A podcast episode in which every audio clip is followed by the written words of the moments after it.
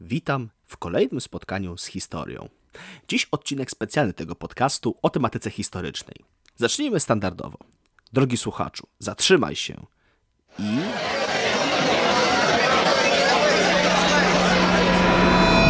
Usłysz historię.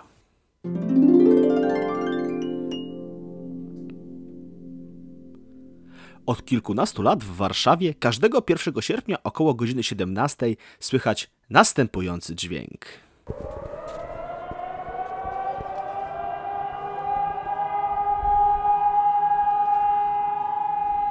Trzyminutowy dźwięk syreny alarmowej i minuta ciszy. Tak cała stolica czci tych, którzy 76 lat temu stanęli do walki z wojskami III Rzeszy. W tym roku, jak wszystko w życiu, jest inaczej. Nie ma wielkich wieców imprez masowych, a mimo to pamiętamy i możemy uczestniczyć w tych wydarzeniach. W tym odcinku nie będę skupiał się na przebiegu powstania, bo o tym powstało wiele książek, filmów i innych tworów kultury i historiografii. Nie będę też rozpatrywał, czy powstanie miało sens, czy nie. Choć jestem studentem historii, nie mnie to oceniać. Tylko tym, którzy przeżyli 63 dni walki o wolną Warszawę, a nawet o wolną Polskę. Zamiast tego połączę dwie rzeczy. Powstanie Warszawskie oraz to, o co prosiliście mnie oraz sam chciałem zaplanować. Czyli pytania i odpowiedzi. Zapraszam zatem do poznania obchodów rocznicy wybuchu Powstania Warszawskiego moimi oczami. Z racji tego, że urodziłem się i mieszkam w Warszawie, to oczywistym wydaje się, że rocznica wybuchu Powstania Warszawskiego jest dla mnie ważna.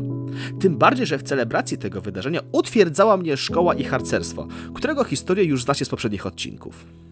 Szkoła poprzez lekcje historii oraz teatr szkolny, harcerstwo poprzez wydarzenia przez niego organizowane, zbiórki, zloty, ogólnie życie harcerskie.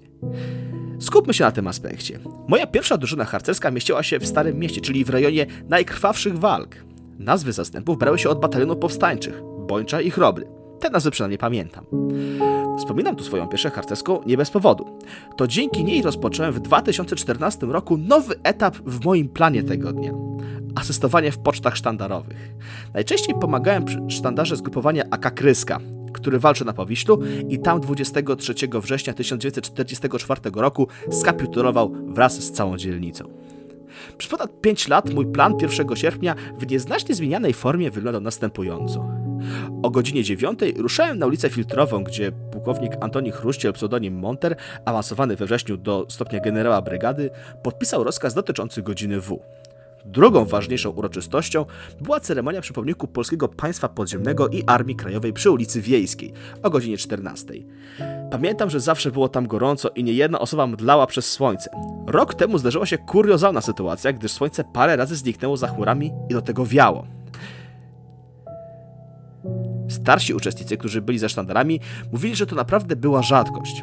Gdy już uroczystość przy dobiegała końca, na powstańców i poczty sztandarowe czekał specjalny autobus, który nas podwoził na cmentarz wojskowy na Powązkach. To zawsze był dobry moment, by porozmawiać z powstańcami. Niezapomniane doświadczenie. Wymienić zdania i doświadczenia z innymi pocztami sztandarowymi, a także trochę odetchnąć. Dodatkowo w domu pogrzebowym przy cmentarzu zawsze na nas czekał drobny poczęstunek pół godziny przed godziną W, wraz z kompanią reprezentacyjną Wojska Polskiego, no i też orkiestrą, udawaliśmy się pod pomnik Gloria Victis, daleko grobów poległych przed powstaniem Rudego, Alka i Zośki, czyli głównych bohaterów powieści Kamienie na Szaniec. Gdy zbliżała się godzina W, czyli 17, cała Warszawa zatrzymywała się i...